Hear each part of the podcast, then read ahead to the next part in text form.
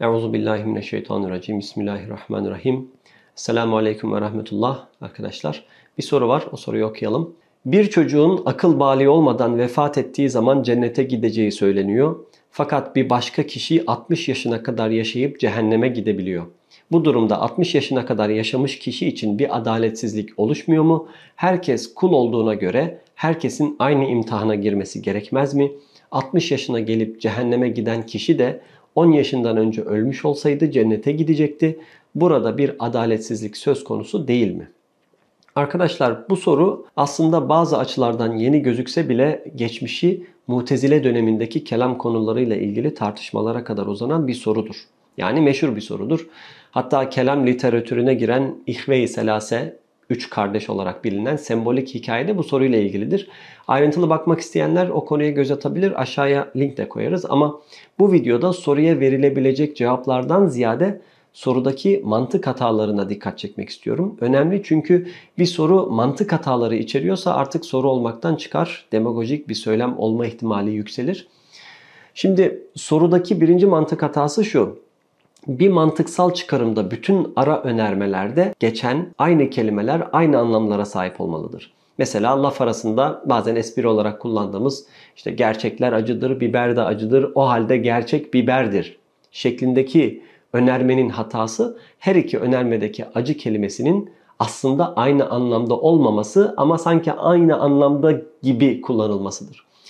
Bu soruda da soruyu soranın zihnindeki vefat eden çocuğun farz-ı muhal yaşaması durumunda içinde bulunacağı yaşamsal şartlarla 60 yaşında ölen kişinin yaşamsal şartlarının eş değer olacağı varsayımıdır. Bu varsayım zaten bir varsayımdır. Gerçekleşmiş olmadığı için gerçek değildir. Dahası varsayımın gerçek olması durumunda bile her iki kişinin hayatı birbirine eşdeğer olmayacaktır. Yani aynı hayatlardan bahsedilmemektedir. 60 yaşına iki kişinin karşılaştırması bir derece daha mantıklı olabilir. Ancak o da yaş itibariyle bir karşılaştırma olur. Yani hayat tecrübeleri çok farklı olabilir bu iki kişinin. Yani bu soruyu soran kişi bazı sonuçları kesin biliyormuş gibi soruyor. Oysa bunu bilmiyoruz ve bilemeyiz. Bu yönden de bilinmeyen şeylerin karşılaştırılması mantıksızdır. Bu birincisiydi yani bir ilk adımı atma noktasında. Hani mantık dersi gibi de düşünebiliriz bunu. İkinci hata ya da problem de şu. Adalet ve adil kelimelerinin ifade ettikleri anlamda bir belirsizlik var.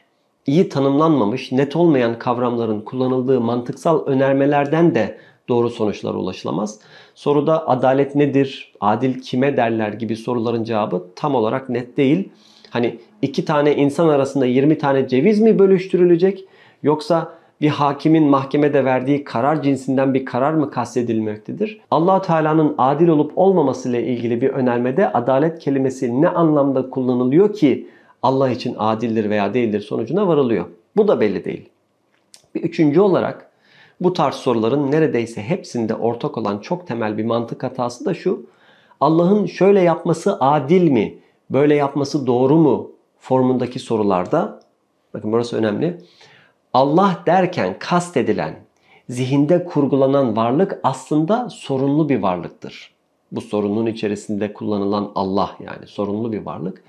Soruyu soranın zihninde böyle olsa gerektir ki ya da en azından sıfatlarında, icraatında yani özellikleri ve yaptığı şeylerin değerlendirilmesinde belirsizlikler ve eksiklikler, hatalar bulunabilen bir varlıktır. Allah olarak bir varlığa yani kainatı inşa eden, bu dünyayı bir imtihan meydanı olarak var eden, arkasından cenneti ve cehennemi var edecek olan, bize hidayet etmek, doğruyu yanlışı öğretmek, eğri yolun akıbetini ifade etmek üzere peygamberler gönderen, her şeyi bilen, her şeye kadir, tüm güzelliklerin kaynağı olduğu gibi adalet anlayışının da kaynağı olan bu zatın yaptığı ve yapacağını bildirdiği şeylerle ilgili bunlar adil mi diye sormak anlamsızdır. Yani Cenab-ı Allah'ın gerçek tanımlaması üzerinden bu soruyu sormak anlamsızdır. Çünkü hakiki mahiyeti itibariyle bu zat ne yaparsa yapsın güzel olan odur, adil olan odur, iyi olan ve doğru olan odur. Diğer taraftan böyle bir zata inanılmıyorsa veya Allah ismi verilse de zihinlerde tecessüm eden bir Zeus gibi, Hübel gibi farklı bir karakter canlandırılıyorsa böyle bir soruyu sormanın gene bir anlamı yoktur. Çünkü kendince dünyada bir adalet olmadığını düşünüyor ve benim inandığım Allah'ın adaletsiz olduğunu savunuyor. Ama ben öyle bir Allah'a inanmıyorum. Benim adil bir Allah'a inandığımı düşünemiyor. Yine kafasındaki tanrı olgusuna göre değerlendiriyor yahut tecessüm etmiş bir şeye inandığımı varsayıyor. Eğer hakikatte doğruluğun, güzelliğin, her türlü hayrın kaynağı olan Allahu Teala'ya inanılıyorsa o zaman da onun icraatlarının adil olup olmadığını sormanın bir gereği olmayacaktır.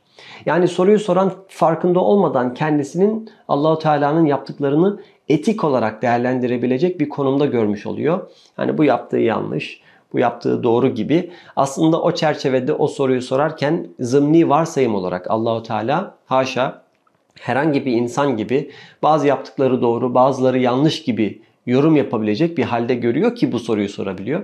Evet, bazı noktalarda bizim lokal değerlendirme hakkımız olabilir. Örneğin e, derste, üniversitede, hoca tahtada mesela mühendislik dersinin zor bir konusunu anlatırken basit bir hesap hatası yapmış olabilir ve siz hocanın hatasını görmüş olabilirsiniz ve dersiniz ki hoca hesap yaparken artıyı eksi olarak geçirdi. Böyle bir değerlendirme sizin benim kudretim ve bilgim dahilinde olabilir. Hoca sizden çok şey biliyor olmakla beraber bu mevzuda ve o anlık denginizdir ve başka meseleleri sizden daha iyi bildiğini bildiğiniz halde bu hatayı söyleyebilirsiniz. Ama henüz konuşmaya yeni başlamış bir çocuğun 3 yaşında, 4 yaşında bıdı bıdı konuşan bir çocuğun orada üniversiteye gelmiş, derse girmiş, ders anlatan hocanın herhangi bir bilgisini ve yaptığı şeyi değerlendirmesi hiç makul olmaz. Önemsenmez de. Kaldı ki Allahu Teala'nın zatı ve özellikleriyle bizim aramızdaki seviye farkı örnekteki seviye farkından bile hesaplanamayacak kadar fazla. Bu ince bir mevzu olarak görülse de Allah'ın zatı ve icraatları hakkındaki sorulan soruların çoğunun ardında ben onu değerlendirebilirim, adil bulup bulmayabilirim gibi bir varsayım var. Bu makul olmayan varsayımı zirvede gerçekleştirense bildiğimiz şeytandır. Yani Hazreti Adem'e secde edilmesi emrine mukabil sen beni ateşten, onu topraktan yarattın. Ateş topraktan değerlidir derken sen ateşin topraktan daha değerli olduğunu bilmiyorsun. Yanlış yaptın. Bak ben sana doğrusunu öğreteyim tavrı vardır. Şeytanın mantıksızlığı şurada arkadaşlar. Hem ona Allahu Teala deyip hem de onun bilmediğini, yanlış yaptığını varsaymak mantıksal çelişkinin zirvesidir. Özetle bu ve benzeri sorular sorulurken zihinlerde eğer Zeus gibi bir şeyden bahsediliyorsa biz zaten bunu cevaplıyor değiliz. Ancak Kur'an'ı ve peygamberleri gönderen ve bu Kur'an'da yaptıklarını ifade eden zatın yaptıklarını soruyorsanız öncelikle kim kimi değerlendiriyor ve kontrol ediyor bunu düşünerek sormak lazım. Çocukların ölümü ve cennet konusuna gelince aslında hadis-i şeriflerin toplamından vefat eden çocukların nereye gideceğine dair net bir bilgi elde edemeyiz. Özellikle de gayrimüslim çocukların ahiretteki durumları hakkında kesin bir kanaate varmamız mümkün değil gibi. Kesin bildiğimiz mümin olan bir insanın kendisi cennete gittiği vakit kendisinin çocukları da ona bir ikram ve iltifat olarak onunla beraber cennette bulunacaktır. Diğer yandan cennet tek makamlı, tek tabakalı bir yer değildir. Herkes için aynı şekilde aynı durumda tecelli etmeyecektir. Ashabın yaşadığı cennet hayatıyla işte hayırları şerlerinden az bir farkla fazla gelerek cennete giren birinin yaşadığı cennet aynı olmayacaktır. Bu çerçevede küçük çocuklar cennete gider derken kastedilen şey aslında onların azap görmeyecekleridir. Çünkü onlar sorumlu değildirler. Bir de anne babaları, amcası, dedesi gibi o çocuğu tanıyıp sevip yanında isteyecek birileri varsa onların yanında cennette var olacaklardır. Kedi, koyun gibi zararsız hayvanların da bu dünyada bir varlıkları var ve bu çerçevede insanlara faydalı dostlukları da vardır. Bunlar da bir şekilde cennette bulunabilirler. Bu dünyada salihane bir hayat yaşamış, çevresinde bir faydası olmuş bir insanın sevdiği kedileri veya başka hayvanları da cennette onunla birlikte kendi koşullarına göre yaşamaya devam edebilir. Allahu alem. Meselenin farklı bir yönü de bizim insanlara bakıp bazı fiziksel, biyolojik ya da anatomik ölçülerle her insanı aynı şey sanmamızla ilgilidir. Aslında insanlar hakikatte aynı şey değildirler. Bu kısmı biraz daha açalım.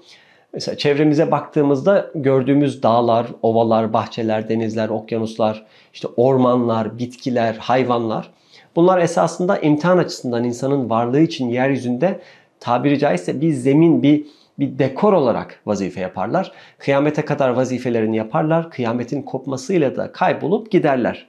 Bu çerçevede aynı hani bilgisayar oyunlarında non-player character diyorlar NPC dedikleri e, bunlar gibidirler. Yani bir bilgisayar oyununda yapay zeka olarak aslen kendisiyle oynayamayan yani gerçek olmayan karakterlerdir. Oyuncu oyun içinde onlarla çeşitli etkileşime girer. Onlardan bazı görevler alır, yapacağı işi öğrenir. Bu NPC'ler oyuna bizzat dahil olmazlar. Oyunda yükselemezler mesela, puan alamazlar. Bilgisayar programcısı veya oyunu yazanın oyunu daha güzel hale getirmek için yazdığı karakterlerdir.